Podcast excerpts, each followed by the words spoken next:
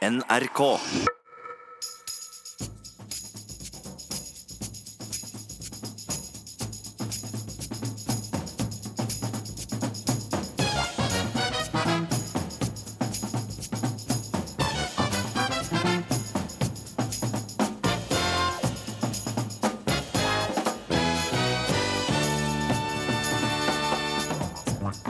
Per Sandberg skulle bare på ferie til Iran.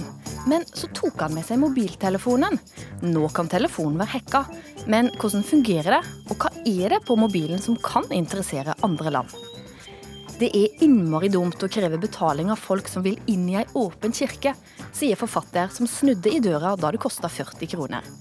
Bedre at det koster litt enn at kirka blir stengt, svarer leder i Kirkerådet. Hva er det rareste du dyttet opp i nesen når du var liten? Alt mulig. Alt fra stener til eh, ja, kulepenner til eh, ja, whatever. Jenny putta et bær i nesa. 60 år seinere dro legen det ut. Hvordan er det mulig? Velkommen til ukeslutt i NRK P1 og P2. Jeg heter Ann Kristin Listøl. Og i denne sendinga skal du òg få høre om gutter som blir diskriminert på leiemarkedet. Men vi starter med sommerens mest omtalte ferietur. For Sandberg har vært på ferie i Iran. Norges fiskeriminister dro dit på en privat tur med kjæresten. Men du verden for en omtale denne turen har fått. Jeg har vært på ferie og prøvd å slappe av. Kosa meg i Det kaspiske hav, bada. Det var varmt og godt. Masse natur, mye god mat, møtt masse flotte mennesker. Er det noen som bør vurdere om det er forenlig å ha tillitsverv i Fremskrittspartiet og samtidig ha forelsket seg i et av verdens verste islamistiske terrorregimer, så er det Sandberg. Jeg forstår at den oppfatninga kan komme ut ifra min Facebook-status. Det eneste ønsket mitt der, det var å si det at eh, Iran er i bunn og grunn et flott land. Eh, Iran har i bunn og grunn et flott folk, men de har et helvetes eh, regime. Jeg ser mange stiller spørsmål med hvilket teknologiske utstyr jeg hadde med meg og sånne ting. Jeg har vært ute og reist før. Dette kan jeg. Jeg hadde med meg en mobiltelefon. Den var nesten ikke i bruk. Han har utsatt seg selv for risiko, men han har jo også utsatt andre for risiko ved at han har hatt med seg denne mobiltelefonen sin inn i landet. Vi tar sikkerhet på alvor, og det betyr at vi selvfølgelig også følger opp alle disse spørsmålene. Jeg har tillit til at Per Sandberg er en god fiskeriminister, og at han lærer av det som har skjedd. Jeg har lært det at uh, sikkerheten uh, skal i våre første, første rekke rekke. Og så er det klart at jeg må bare beklage det at jeg har vært litt for lett i forhold til både varsling og, ta, og, og bruke jobbtelefon.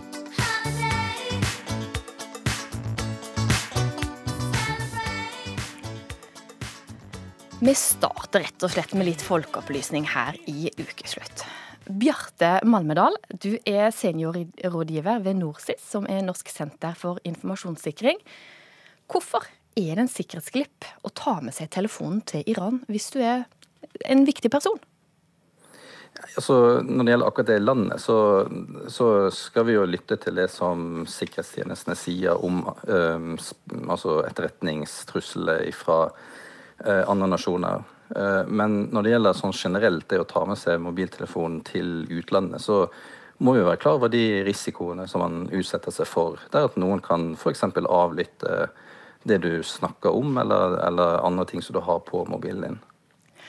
Og så har vi med oss Henrik Lid, som er journalist og rådgiver i NRK Beta, som er NRKs teknologiredaksjon. Og PST de har tatt denne mobilen nå til Per Sandberg. Eller de har fått den, da. Hva tror du at de finner der? Jeg er ikke så overbevist om at de finner noe som helst, egentlig. Rett og slett fordi at risikoen for Iran ved å legge inn et virus eller noe lignende på telefonen sånn rent diplomatisk sett, er ganske stor. Men det er ganske mye annet man kan gjøre uten å infisere telefonen med et virus. Når Per Sandberg bruker telefonen sin i Iran, så er den jo tilkobla et iransk mobilselskap, en mobiloperatør.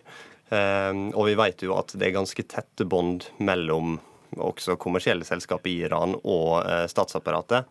Så hvis eh, iransk eh, etterretning f.eks. har lyst til å avlytte det Sandberg eh, sier på telefon, eller det han skriver meldinger til, til mennesker her tilbake i Norge, eller i verste fall det han eh, sender av e-poster eller mottar av e-poster, så kan de gjøre det ganske enkelt.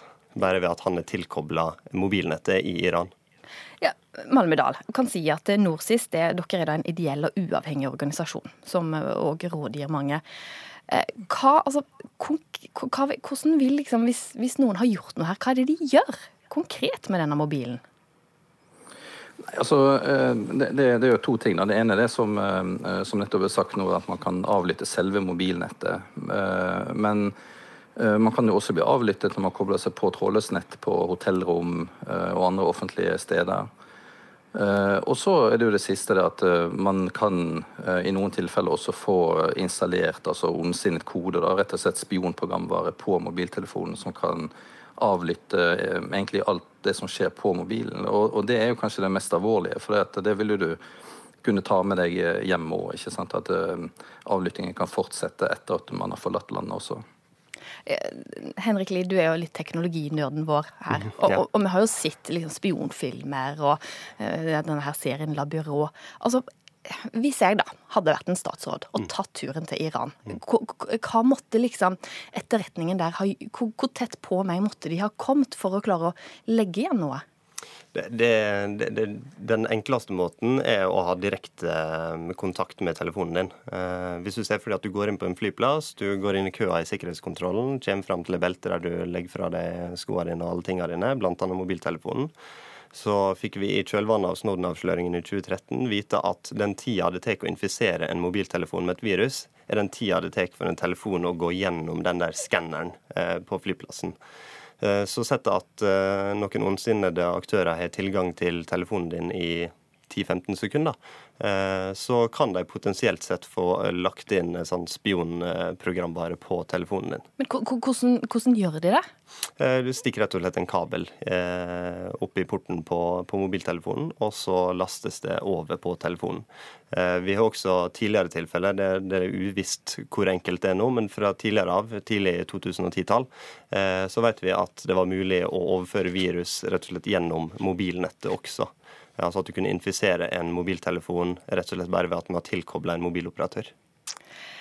Altså, Malmedal, nå har jo Per Sandberg sagt at han brukte jo nesten ikke mobilen sin og det er jo ikke sikkert du vet hva eller det vet vel ingen av oss, akkurat hva Sandberg har på mobilen sin. Men, men hva slags type informasjon er det som er spennende da, for et fremmedlands etterretning å få ut av en statsråds mobil? Ja, jeg tenker at Når det gjelder uh, politikere og, og, nasjonale beslutningstakere, også um, nøkkelpersoner, ikke sant? folk som jobber med kritisk infrastruktur, og sånne ting, så er det jo Um, både hvem man kommuniserer med, ikke sant? Så såkalt metadata. altså Man vet gjerne ikke hva man har kommunisert, men uh, det faktum at man kommuniserer med, uh, med andre, andre, personer, uh, når, hvor lenge osv., er jo noe som, som, som, de kan være interessert i. Og så er det jo selvfølgelig innholdet i kommunikasjonen. ikke sant? Så hvis de kan avlytte det som ble sagt i samtalene, eller det som blir sendt på melding, eh, på e-poster, på sosiale medier osv., så, videre, så er jo det noe som, eh, som de kan være interessert i. Sandberg han sier, som hørte i oppspark her også, så sier noen at eh, han har òg utsatt andre for risiko. På hva slags måte har han gjort det, Malmedal? Nei, det, det, det, vil jo tro at de tenker da altså de personene som, som uh, man snakker med, ikke sant, som gjerne befinner seg i Norge og, og kanskje ikke har noen mistanke om uh, at noen skal kunne avlytte det som, det som er sagt. Uh, at de på en måte òg uh, kan komme i, i risikosonen der, da. Med vanlige borgere, da, kan vi ha blitt utsatt for noe risiko ved at denne mobilen har vært på ferie i Iran?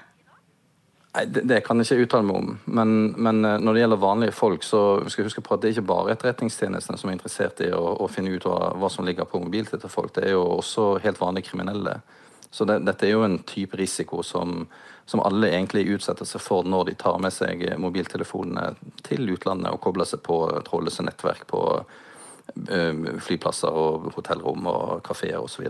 Litt sånn persisk mafia?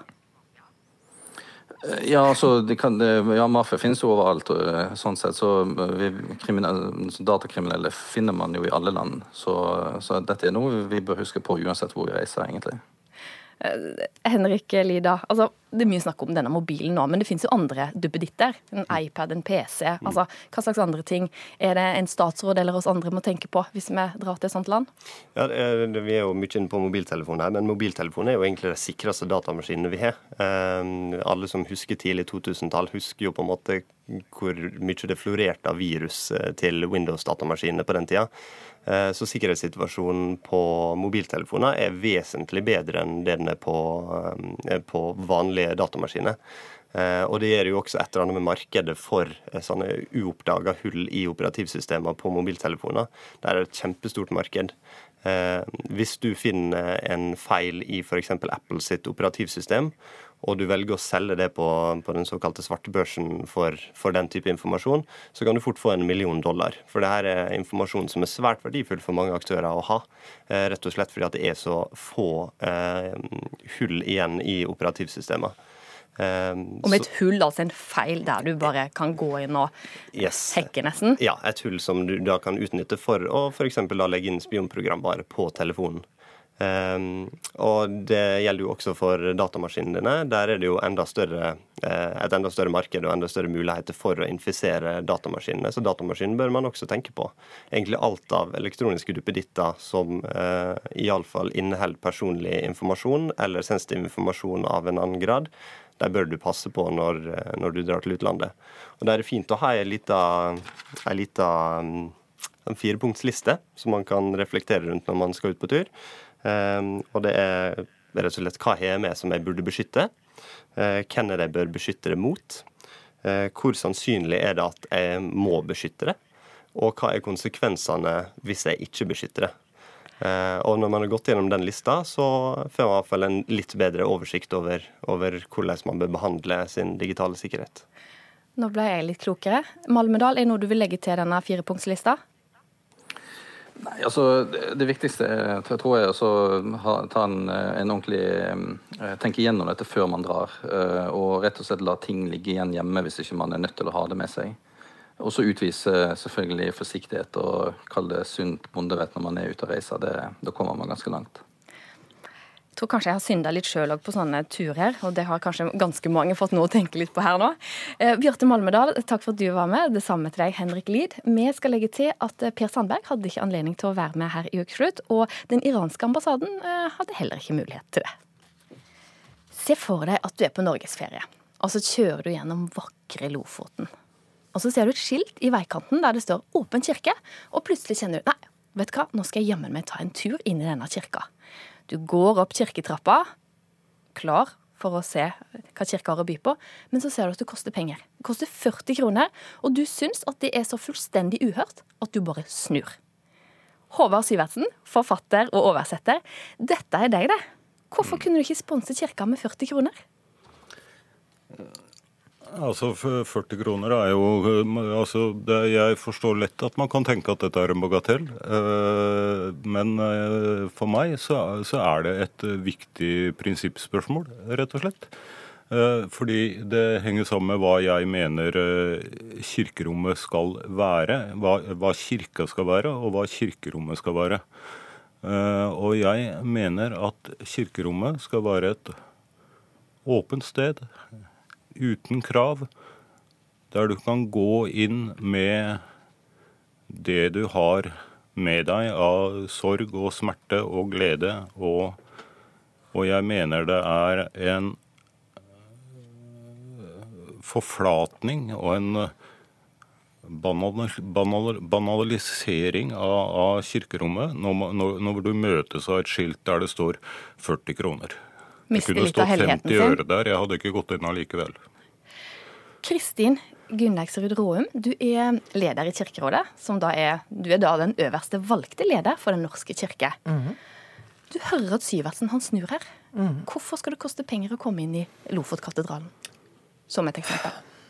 Ja, for det første så er det eh, det han sier om kvaliteten ved et kirkerom, at det skal være åpent og du skal komme inn med alt det du har med, med deg, det er så riktig og så presist sagt og så nødvendig. Og det sier noe om en nødvendig kvalitet ved kirken. Men du hører at du har ødelagt litt for han her? Ja. Gud skal være gratis. Um, så er det sånn i kirken at uh, både av hensyn til sikkerhet for mange av de kulturminnene og kunstskattene som er der. Altså Lofotkatedralen har et eh, persongalleri som er et av Norges største, som går helt tilbake til 1530. Eh, medfører at vi kan ikke bare åpne, åpne dørene og la det stå til. Eh, så medfører også økt besøk, for det er jo det det er uh, snakk om. Uh, både vedlikehold og renhold som, ut, uh, som, medfører kostnader. og da tenker noen av de som tar inngangspenger, at det er bedre at kirken, og viktigere at kirken er åpen, enn at den er helt gratis. Syvertsen, det koster faktisk litt penger å holde Lofotkatedralen åpen. Det er renhold, og sikring. Hvorfor mm. ikke være med å sponse litt?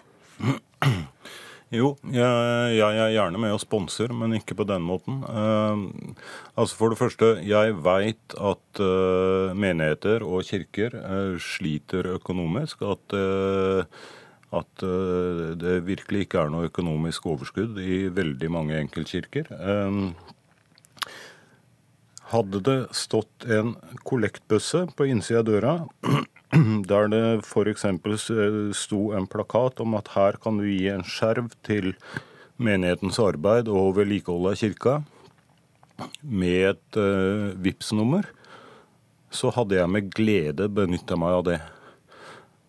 Men for meg er det altså en veldig viktig prinsipiell forskjell at øh,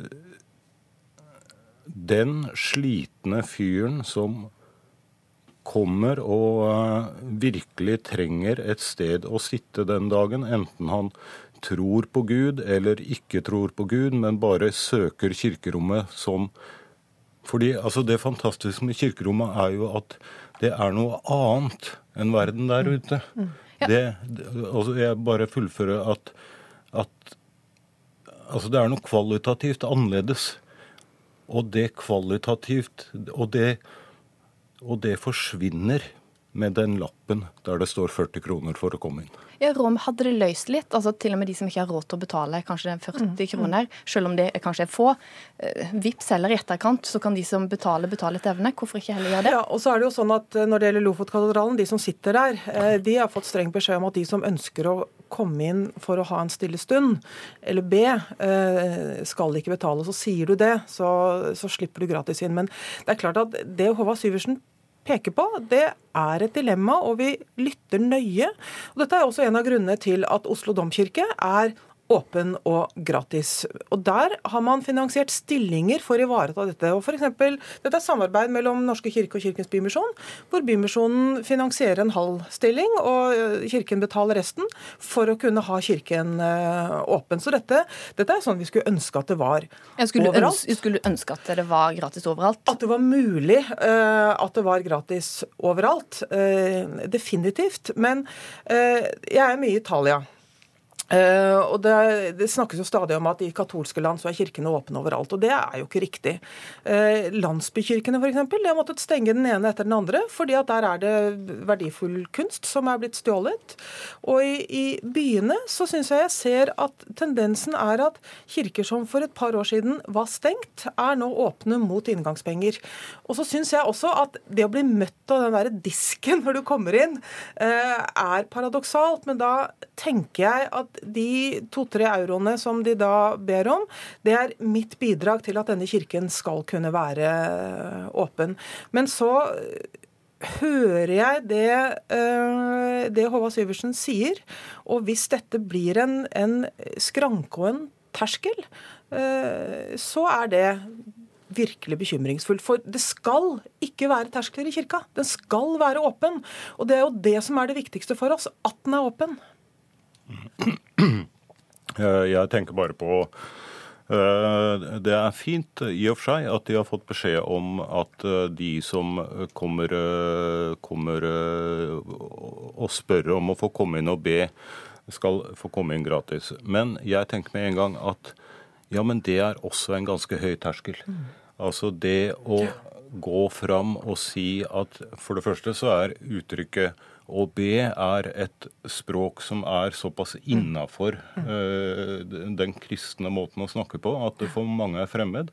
Og for det andre så er det altså å stille sin eh, sårbarhet, som antagelig er veldig synlig fra før av, enda mer til skue for å, for å gå inn døra. Så, så, så jeg mener OK, det er, det er, fint, men det er en terskel. Mm. Men Syversen, da. Altså, du sier VIP, ikke be om inngangspenger, vips heller etterkant. Men for en del så kan det òg gi litt sånn skyldfølelse. Oi, hvor mye skal jeg betale? Betalte jeg nok nå? Og kanskje jeg skulle, altså, At det av og til kan være greit å få en prislapp, da. Hva sier du til det? Altså, Mitt eh, anliggende er at det ikke skal komme inn altså at det ikke skal komme inn penger eh, At det ikke skal koste penger å komme inn i kirka. Eh, for de aller fleste av oss så har vi såpass god råd at det, jeg tror ikke det skader oss å ha litt dårlig samvittighet om vi har vipset for lite. Det er de som må velge mellom å gå i kirka og kjøpe brød den dagen jeg er opptatt av. Og Det er også grunnen til at f.eks. Oslo domkirke skal være åpen hele tiden. Det er nettopp den type vurderinger som, eh, som, ligger til grunn. Og Det sier jo noe om at kirken skal være åpen.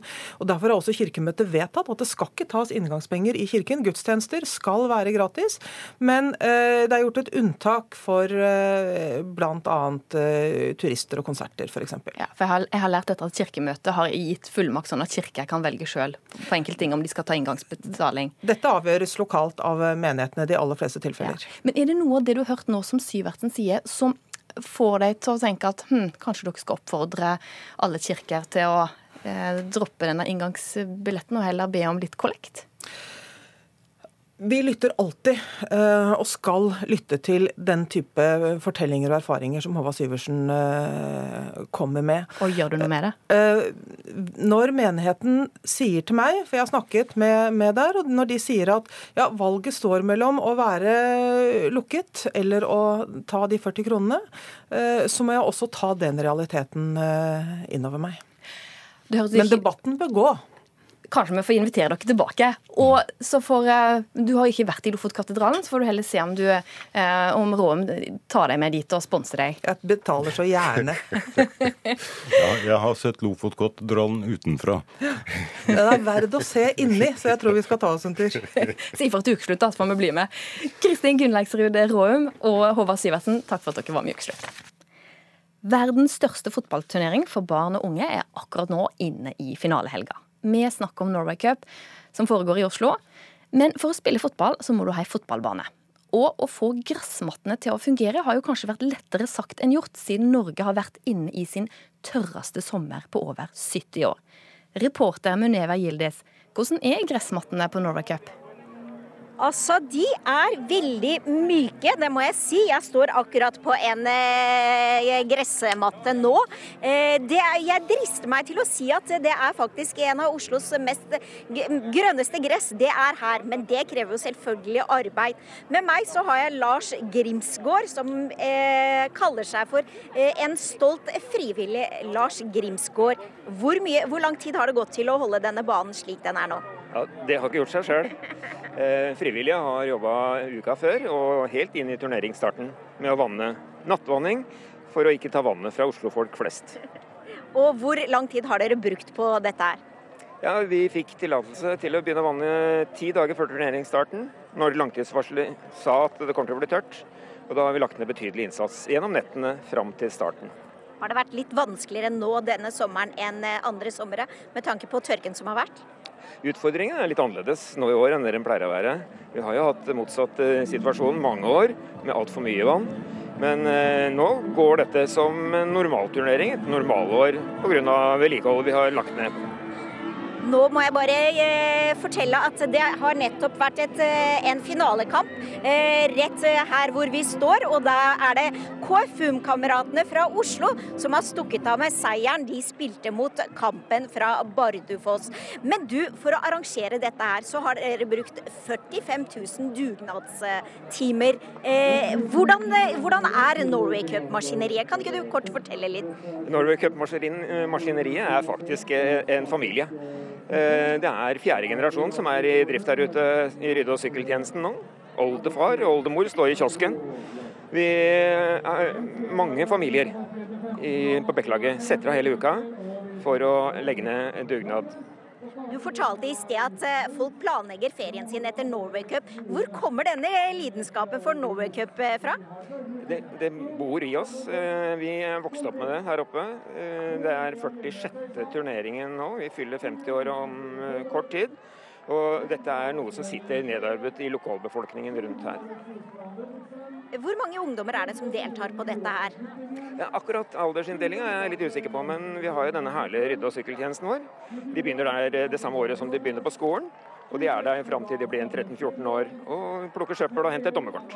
Tidlig krøkes altså. Hvor lenge har du vært eh, frivillig, Lars? Jeg eh, begynte vel som frivillig i midten av 80-tallet, og har deltatt siden det.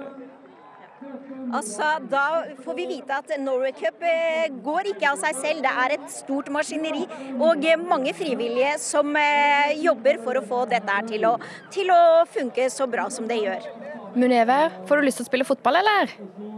Eh, nei, det er heller andre ting jeg vil gjøre. Jeg vil f.eks. spise is. Det er litt varmt her akkurat nå.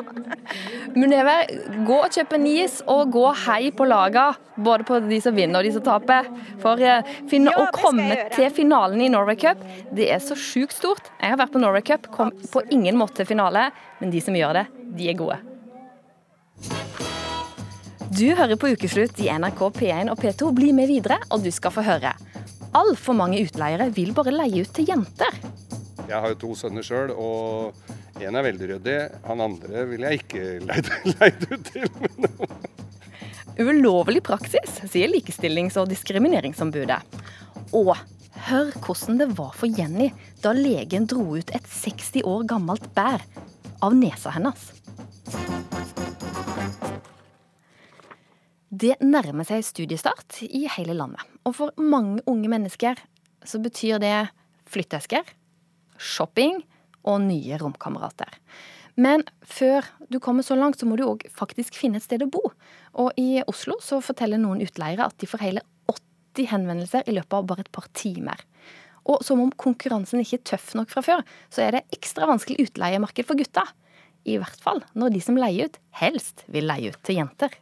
Nei, Nå er vi eh, kommet inn i første etasjen. Det er jo en leilighet som strekker seg over litt flere etasjer, så det syns jeg er litt kult. Eh, Se for deg at du er en 22 år gammel gutt, og at du skal flytte til Oslo. Sånn som Sondre Skansen, som du hører her. Her, og så har du eh, litt det der grønlandsmiljøet. Og Du skal tjene penger, få nye venner, og kanskje dra på en fest innimellom. badet er helt eh, OK. Må demontere dusjen for å få inngang i vaskemaskinen, men det er sånn man lærer seg å leve med, vet du. Det fins verre. Så kan vi gå opp trappa. Men før det kan skje, så trenger du en bolig. Visste ikke jeg at det var en leilighet over flere plan. Det hadde jeg aldri forventa. Ikke altfor fin, altså. Kanskje en treroms på Grønland, med en mikrobølgeovn som ikke funker, men til gjengjeld en kjempestor TV som du kan se fotball på. Bruker leiligheten her. Eh, spisegruppe. Men så, midt oppi boligannonser og beskrivelser av deg selv som en rolig fyr, en sikker betaler og en ikke-røyker, så legger du merke til noe. Uh, søker jente, søker ditt, søker da. Altså, det er som sånn, du, du, bare, du kan ikke trykke- klikke deg inn på dem engang. Fordi du veit jo på en måte at det her er jo ikke aktuelt uansett. og Du lønner seg ikke å godsnakke med dem. Så da, akkurat da virka det ganske håpløst. Leies bare ut til jenter. Bare jenter oppfordres til å søke. Passer fint til en rolig student. Helst kvinnelig. i annonsene så står det jo på en måte prangende, gjerne med capslock noen steder, og det er jentekollektiv søker ung, sprudlende jente. Altså, det er så spesifikt. Da, sånn at det, når du på en måte står allerede der, da, så, så det ser jo interessant ut, men du kan ikke klikke deg inn engang og se, for at du veit at du får ikke den leiligheten fordi du åpenbart ikke er jente. Denne uka har nemlig Likestilling- og diskrimineringsombudet gått ut mot utleiere som skriver ulovlige og diskriminerende annonser på Finn Nettopp slike som bare vil ha jenter. Først og fremst så er det viktig å si at det er ulovlig. Det er altså ikke sånn i loven at man kan foretrekke ett kjønn. Det er diskriminering, og det er ulovlig. Med mindre det er helt spesielle grunner, men det vil det veldig sjelden være. Det sier likestillingsombud Hanne Bjurstrøm. Det er altså ikke lov til å skrive boligannonser som retter seg spesifikt mot ett kjønn, en rase eller en seksuell legning. Jeg skal vise deg en annonse. Jeg viser Likestillingsombudet en av annonsene på Finn. Hvis du kan lese det som står her. Tre rom ledig, flott nytt jentekollektiv på beste Grünerløkka må ses. En fin, lys leilighet på Grünerløkka. Et splitter nytt jentekollektiv. Er denne annonsen ulovlig? Eh, den kler seg liksom i en sånn kollektivtype, så du kan få inntrykk av at det er mer en sånn Her skal vi ha et bofellesskap, og vi har allerede noen jenter. Eh, men det kan, det kan, godt være at det er den måten mange gjør dette på. Så det å undersøke den type annonser kan være en, en viktig, kan være et, noe, noe vi bør se nærmere på. Jeg er egentlig litt forvirra. Fordi Hvorfor er det slik at utleiere heller vil ha jenter i boligen enn gutter? Jeg har jo to sønner sjøl, og en er veldig ryddig. Han andre vil jeg ikke leid, leid ut til. jeg møter radiopersonlighet og far til to gutter i 20-åra, Geir Skau. Og Schou er jo kjent for å være frittalende og for å si det mange tenker. Da må jo han kunne hjelpe meg. Hva er det egentlig vi jenter er så gode på, og som gutta ikke klarer? Jeg har en nabo rett over veien som uh, i alle år leide ut underetasjen, sånn sokkelleilighet. De, det var før Finn og, og, sånne ting. De hang opp oppslag på Menighetsfakultetet. Da fikk det ordentlige jenter med foldeskjørt som aldri hadde drukket, aldri hadde planer om det, ikke hadde besøk på rommet og aldri hadde røyka, og ikke noe hund. Da er du vel godt dekka men at de vil ha jenter. Det er vel en oppfatning om at jenter er ryddigere og, og tar vare på ting. Bolig er det dyreste du har. Hvis det kan komme fire jenter fra Menighetsfakultetet og lage mm, kollektiv, så ville jeg vel heller hatt det enn et raveparty av eh, svenske kelnere, altså. Å ja, nå skjønner jeg. Selvfølgelig vil utleiere ha norske, snille og rolige jenter. De som ikke drikker alkohol og holder hjemmet skinner rent og slår av musikken lenge før klokka er blitt elleve. For det er vel sånn norske jenter er? Eller?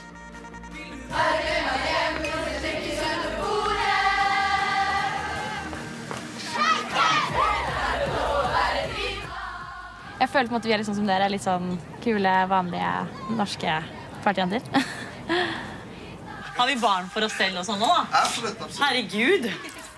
DJ-en burde jo spille bursdagsmusikk. Ja, hvis vi kjører i Stevie, vi kjører Stevie Wonder Happy Birthday til hverandre låt. Herregud, ja. Ok, Så er det kanskje ikke helt sånn at alle unge jenter er drømmeleietagerne. Men er det virkelig ingenting som skulle tilsi at jenter er bedre leietagere enn gutter? Hva tenker du, likestillingsombud Hanne Bjurstrøm? Det ligger noen rare og litt foreldede holdninger bak at får man en jente, så får man en stille og rolig og medgjørlig person. Og får man en gutt, så får man mer bråk. Eh, og hvorfor det er viktig å si, er fordi at eh, det kan være vanskelig å håndheve den regelen. Så det å endre folks holdninger er kanskje det viktigste. Så du har faktisk eh, i ditt liv møtt jenter som er rotete? f.eks.? Eller som drikker alkohol? Ja, jeg har jo møtt meg selv. Og jeg har møtt mange jenter som, som faller inn under den kategorien, ja. Akkurat som gutter. Og eh, tilbake i det nyinnflyttede kollektivet på Grønland i Oslo, så har Sondre Skansen funnet en løsning på diskrimineringsproblemet.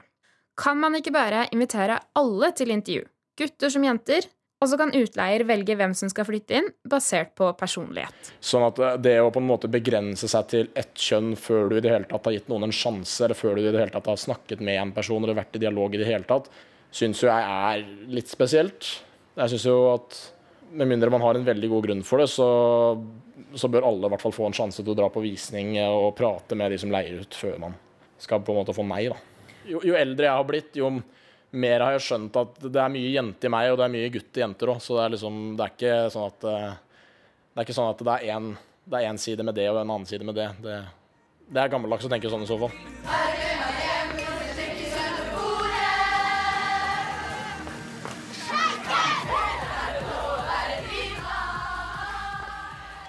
Reporter her Julia Afshari Kaasa, og vi sier lykke til til alle som er på jakt etter bosted, og òg til de som faktisk skal leie ut. Hva er det rareste du dyttet opp i nesen når du var liten? Jeg tror det er en rosin. Hva skjedde med den, da? Eh, det husker jeg ikke. Jeg tror det ble litt rabalder med mamma og pappa. i hvert fall. Fordi du vet Når du er et lite barn, så er du ofte nysgjerrig, og så kommer man til å dytte noe opp i nesen. Har du, har du vært borti det noen gang? Har masse barn. Har de gjort det? Ja, mange ganger. Hva er det de putter oppi der? da? Alt mulig. Alt fra stener til uh, ja, kulepenner til uh, ja, whatever. Gjorde du det når du var liten, eller? Nei. Aldri? Nei. Sikkert, uten at jeg kan huske det. Nei, ikke jeg, men uh, sønnen min gjorde det. Hva var det han puttet opp, da? En liten perle. Vi måtte på legevakten, og de måtte fiske den ut med en sånn krok. Nei, ja, det er, du blir litt eh, skremt når de dytter litt eh, sånn erter og sånne ting inn i nesen. Ja. I studio så skal vi ta og snakke med en eh, dame som har hatt et bær i nesen i eh, flere tiår. ja, jeg så det. At det var en eh, kvinne som hadde hatt et eller annet oppi nesen i veldig lang tid, ja. ja. Er du sikker på at alle barna dine har fått ut alt? Å ja, ja, ja. Ja, jeg sjekker det. Det var Jaren Ree Mikkelsen som hadde vært ute og snakka med folk på gata. fordi at i løpet av den siste uka så er det en nyhetssak som har fascinert oss. Og det er historien om 66 år gamle Jenny Nesheim fra Engerdal, som rett og slett har gått med et bær i nesa i 60 år.